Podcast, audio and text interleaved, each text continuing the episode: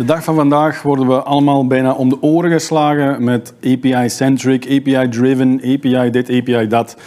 Maar wat zijn die API's nu eigenlijk en waarom zijn ze zo belangrijk? Vandaag in de Lighthouse komt Toon van Houten, Microsoft MVP en specialist ter zaken ons haarfijn uitleggen waarom die nu zo belangrijk zijn. Dag Toon, welkom in de Lighthouse. Dag Jochen, dank u. Vind je van onze Lighthouse? Fantastisch, uh, gezellig ingericht. Uh, ik hoop dat het een boeiend gesprek kan worden. Ja, ik hoop het ook. Uh, Toon, jij werkt voor Noest. Ja. Wat doen jullie bij Noest? Ehm, bij Noest eh, focussen wij ons vooral op application modernization, development en innovation. Mm we doen dat eigenlijk vooral vanuit de focus van de Microsoft stack. dus daar gaan we gaan focussen eigenlijk op .NET en Blazor technologie. anderzijds Azure Platform as a Service. En dan ook het Microsoft Power Platform. We zijn ervan overtuigd dat we met die drie technologieën een perfecte combo hebben om maatwerk uh, op te leveren. Ja, ja, en we doen dat eigenlijk vanuit ons kantoor, uh, vanuit Kortrijk eigenlijk. Ah, okay. um, echt een, eh, een, digital company die zo die top-down applicatieve approach uh, volop vastneemt. Absoluut, ja. Wel ja, dan ga je alles over API's weten waarschijnlijk inderdaad. Dat is de bedoeling, hè? ja, dat API-centric, API development, um, ja, we, we, horen het heel vaak deze dagen. Kan je er iets meer over vertellen waarom het zo belangrijk is en wat dat dan precies ook effectief is? Ja, misschien inderdaad beginnen bij het begin. Wat is een API? Is eigenlijk een, vind ik altijd persoonlijk een moeilijke vraag om te beantwoorden. Mhm. API, ja, de afkorting staat officieel voor uh, Application Programming Interface. Uh, maar dat zegt natuurlijk niet veel. Hè. Uh, eigenlijk kun je zeggen van, ik vergelijk het graag met een webapplicatie. Dat is de UI, de frontend. Dat is eigenlijk de gebruikersinterface voor de eindgebruiker. Ja. De API is eigenlijk de gebruikersinterface voor de processen die op een automatische manier eigenlijk willen connecteren of integreren met een applicatie. Ah, ja. Ik wil dat misschien wel een vergelijk maken ook met een, uh, een restaurant. Uh, het is lang geleden dat we op een restaurant geweest zijn natuurlijk. Ja, uh, maar in een restaurant, ja, je hebt verschillende chefs, sous-chefs. En de ene is verantwoordelijk voor de dessert, de andere misschien voor het hoofdgerecht. maar als klant stap je niet de keuken binnen en ga je bij alle twee apart een, een gerechtje gaan bestellen. Dus wat je eigenlijk doet, je spreekt tegen de ober, de API in dit geval. En die gaat eigenlijk de boodschap wel overbrengen aan de keuken. Uh, de ober heeft hier ook een menukaart. En dat is eigenlijk het, het datacontract. Dat zegt eigenlijk van, kijk, dat is de functionaliteit die wij als restaurant, wij als API gaan aanbieden. op die manier eigenlijk met een API en uw datacontract kan je eigenlijk communiceren met de keuken zonder dat je de interne keuken moet kennen. En dat is het grote voordeel. Daar heb je eigenlijk die abstractielaag dat je introduceert. Ja, ja oké, okay, ja, begrijp het. Is, ehm, ja, er zijn dan inherent waarschijnlijk wel voordelen inderdaad aan die API's, hè, tegenover misschien de manier waarop het vroeger applicaties gemaakt werden. Mhm. Wat zijn dan specifiek echt zo de, de meest belangrijke voordelen van zo'n API dan? Wel, ik denk, we, we leven in een wereld dat de data overal ter beschikking moet zijn. En, en wat er typisch gebeurt in organisaties de dag van vandaag, allez, de afgelopen tien jaar, laten we maar zeggen, is ja, stel nu voor, er zit uh, customer data in een database, een SQL-database. Mhm. Een ander team, een andere applicatie heeft die data nodig. Dus wat doen die? Ah, die zeggen, wij supporteren SQL, wij connecteren rechtstreeks op die database. Ja. Plotseling is een andere team die ook die data nodig heeft, maar die supporteert geen connectie naar SQL. Dus hebben die wel via via een schedule task kunnen opzetten en is er een CSV-export gaan. Ja. Op den duur zijn eigenlijk met allemaal connecties die rechtstreeks op uw applicatie gaan. Eh, maar als je dan ooit een wijziging wil maken aan je applicatie, dan lukt dat niet meer, omdat je eigenlijk een negatieve impact gaat hebben op alle applicaties en teams en eventueel zelfs externe partijen die afhankelijk zijn van die data. Dus als je je data in, in de plaats ter beschikking stelt via een API, is dat het enige medium waarmee je eigenlijk toegang kan krijgen tot de data of de functionaliteit. Op die manier is het één, ik noem het altijd één grote voordeel dat je moet supporteren, voordeur dat je moet supporteren, en al de rest moet je afsluiten. Dat heeft als fantastisch voordeel dat eigenlijk als je intern in je applicatie de technologie of de architectuur wil aanpassen, dan kan je dat doen zonder alle mensen en alle processen die connecteren op je API te gaan impacteren. Zo kan je eigenlijk teams, applicaties en zelfs bedrijven laten connecteren met elkaar, maar toch de voldoende abstractie hebben zodanig dat je onafhankelijk van elkaar changes en eh, aanpassingen kan uitvoeren. Ja, Zo krijg je dan eigenlijk consistentie zelfs over bedrijven heen, zoals je zegt. Dus je kan eigenlijk partnerships gaan vormen over die API's heen. Absoluut, en ik denk dat dat een van de successen is en de reden waarom dat API's zo succesvol zijn. Uh, de dag van vandaag is alles geconnecteerd over public internet, laten we maar zeggen. Er zijn er eigenlijk ook bedrijven in geslaagd om een volledig businessmodel uit te bouwen op basis van API's. Uh, het is een heel klassiek voorbeeld, maar ik vind het altijd wel fantastisch om er even bij stil te staan dat Uber bijvoorbeeld het grootste taxibedrijf ter wereld is, maar ze hebben geen taxis.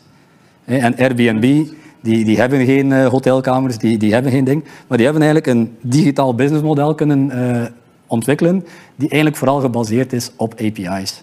Want als jij als hotelleverancier bij manier van spreken je hotels ter beschikking wil stellen op dat platform, mm -hmm. dan kan je eigenlijk via de API's je, je services en ook je prijzen eigenlijk up-to-date gaan houden. Ja, ja. Ja, je, je, noemt al een paar voorbeelden van, van redelijke digit, of digital native uh, companies, zou ik maar zeggen. Ja, de, de, technologie, vermoed ik, zal er wel al een tijdje geweest zijn. Dus hoe verklaar je dan dat er misschien nu de laatste tijd toch wel zo een boost is rond, rond dat API-driven verhaal? Ja, ik denk dat het ja, toch wel een vijftal jaar geleden ontstaan is. Um, een beetje samen met de, de switch van, laten we maar zeggen, bedrijven die typisch een één monolithische applicatie hebben, of misschien tweetal die alle functionaliteit omvatten, hmm. naar een best-of-breed approach, waar je eigenlijk als bedrijf gaat gaan kijken ja, voor welk specifiek domein kan ik nu de beste applicatie gaan gebruiken. Er zijn bedrijven die zeggen, kijk, voor, voor recruiting wil ik die module van, van die suite gaan hebben. Mm Voor mijn HR heb ik daar een perfecte applicatie, heel vaak een SaaS-applicatie gevonden.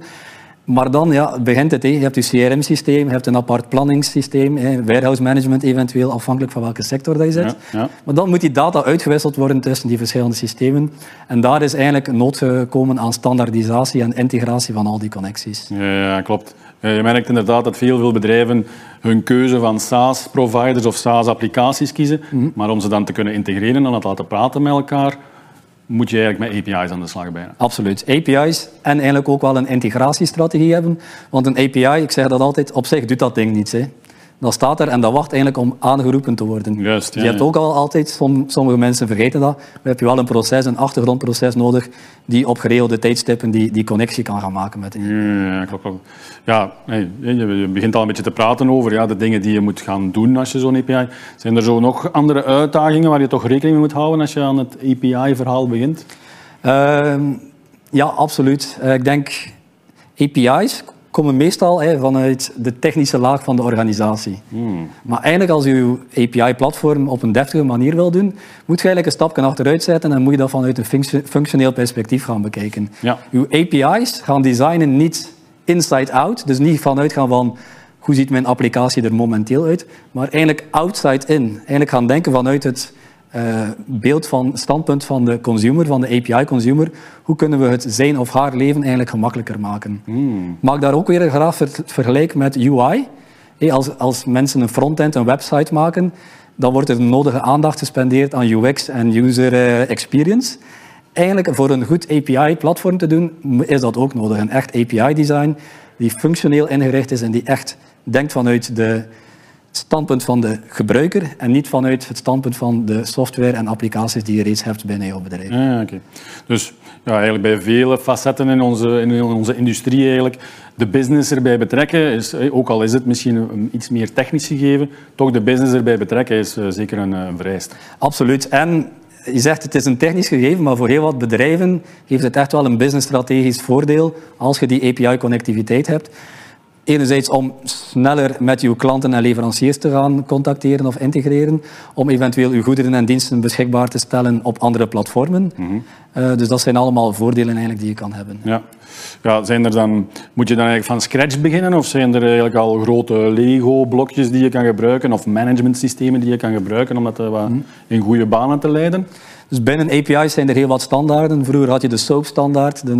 Momenteel gaan we veelal naar REST services en ook Open API specification, die nu al, laten we zeggen, de de facto standaard is geworden. En we zien ook wel een populariteit eh, van GraphQL die momenteel uh, populair is. Maar ja, je hoort het al een beetje, ja, verschillende standaarden, verschillende manieren waarop dat je security doet. Uh, op den duur zie je door het bos de bomen niet meer. Hè. Er staat een API'tje in uw Azure Cloud-omgeving.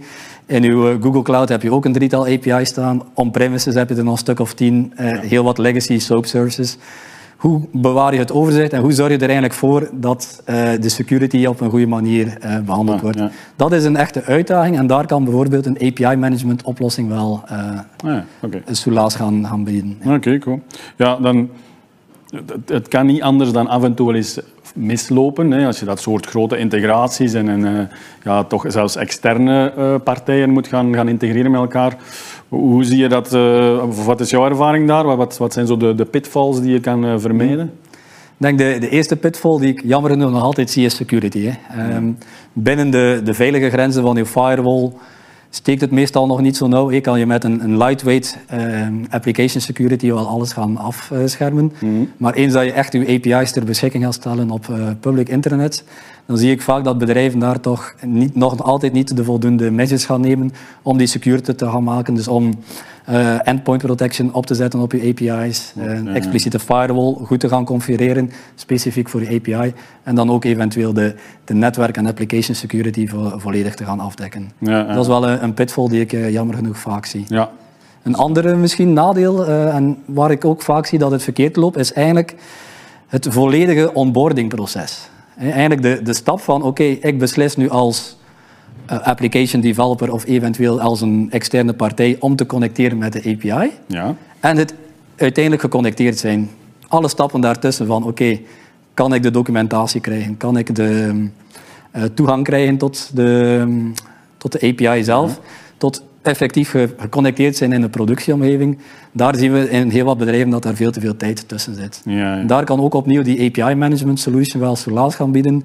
Die, die, die solutions hebben meestal wel een API-portal, waar dat je eigenlijk alle API's automatisch gedocumenteerd hebt en dat mensen of bedrijven eigenlijk toegang kunnen vragen tot uh, ja. enerzijds de documentatie, maar ook al tot, tot de test en eventueel de productieomgeving. Ja. Dus als je succesvol wil zijn in een API-programma, dan is het belangrijk om daar in een vlotte onboardingprocedure te investeren. Ja, ja, ja. En die API-management systemen die helpen je dan inderdaad met dat, uh, ja, dat, al die randfenomenen en die randvoorwaarden waar je eigenlijk niet mee wil bezig zijn als een Uber of als uh, whatever digitaal bedrijf kan je dat achterwege laten en kan je je focussen op die, uh, op Absoluut, die ja. business.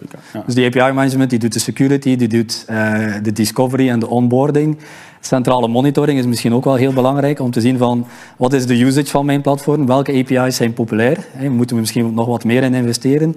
Of andere API's moeten wat meer aandacht krijgen om die ook uh, populair te krijgen. Juist, ja. Maar ook technische zaken. Hè. Performantie is niet onbelangrijk. Als er developers ehm, mobiele applicaties maken op uw API's en die API's worden trager en trager, ja, dat is ook niet goed voor uw digitaal imago. Nee, nee, nee. Dus ook die, die performantie en eventueel de error rates in de gaten gaan houden, dat zijn wel belangrijke facetten ook van een API management solution.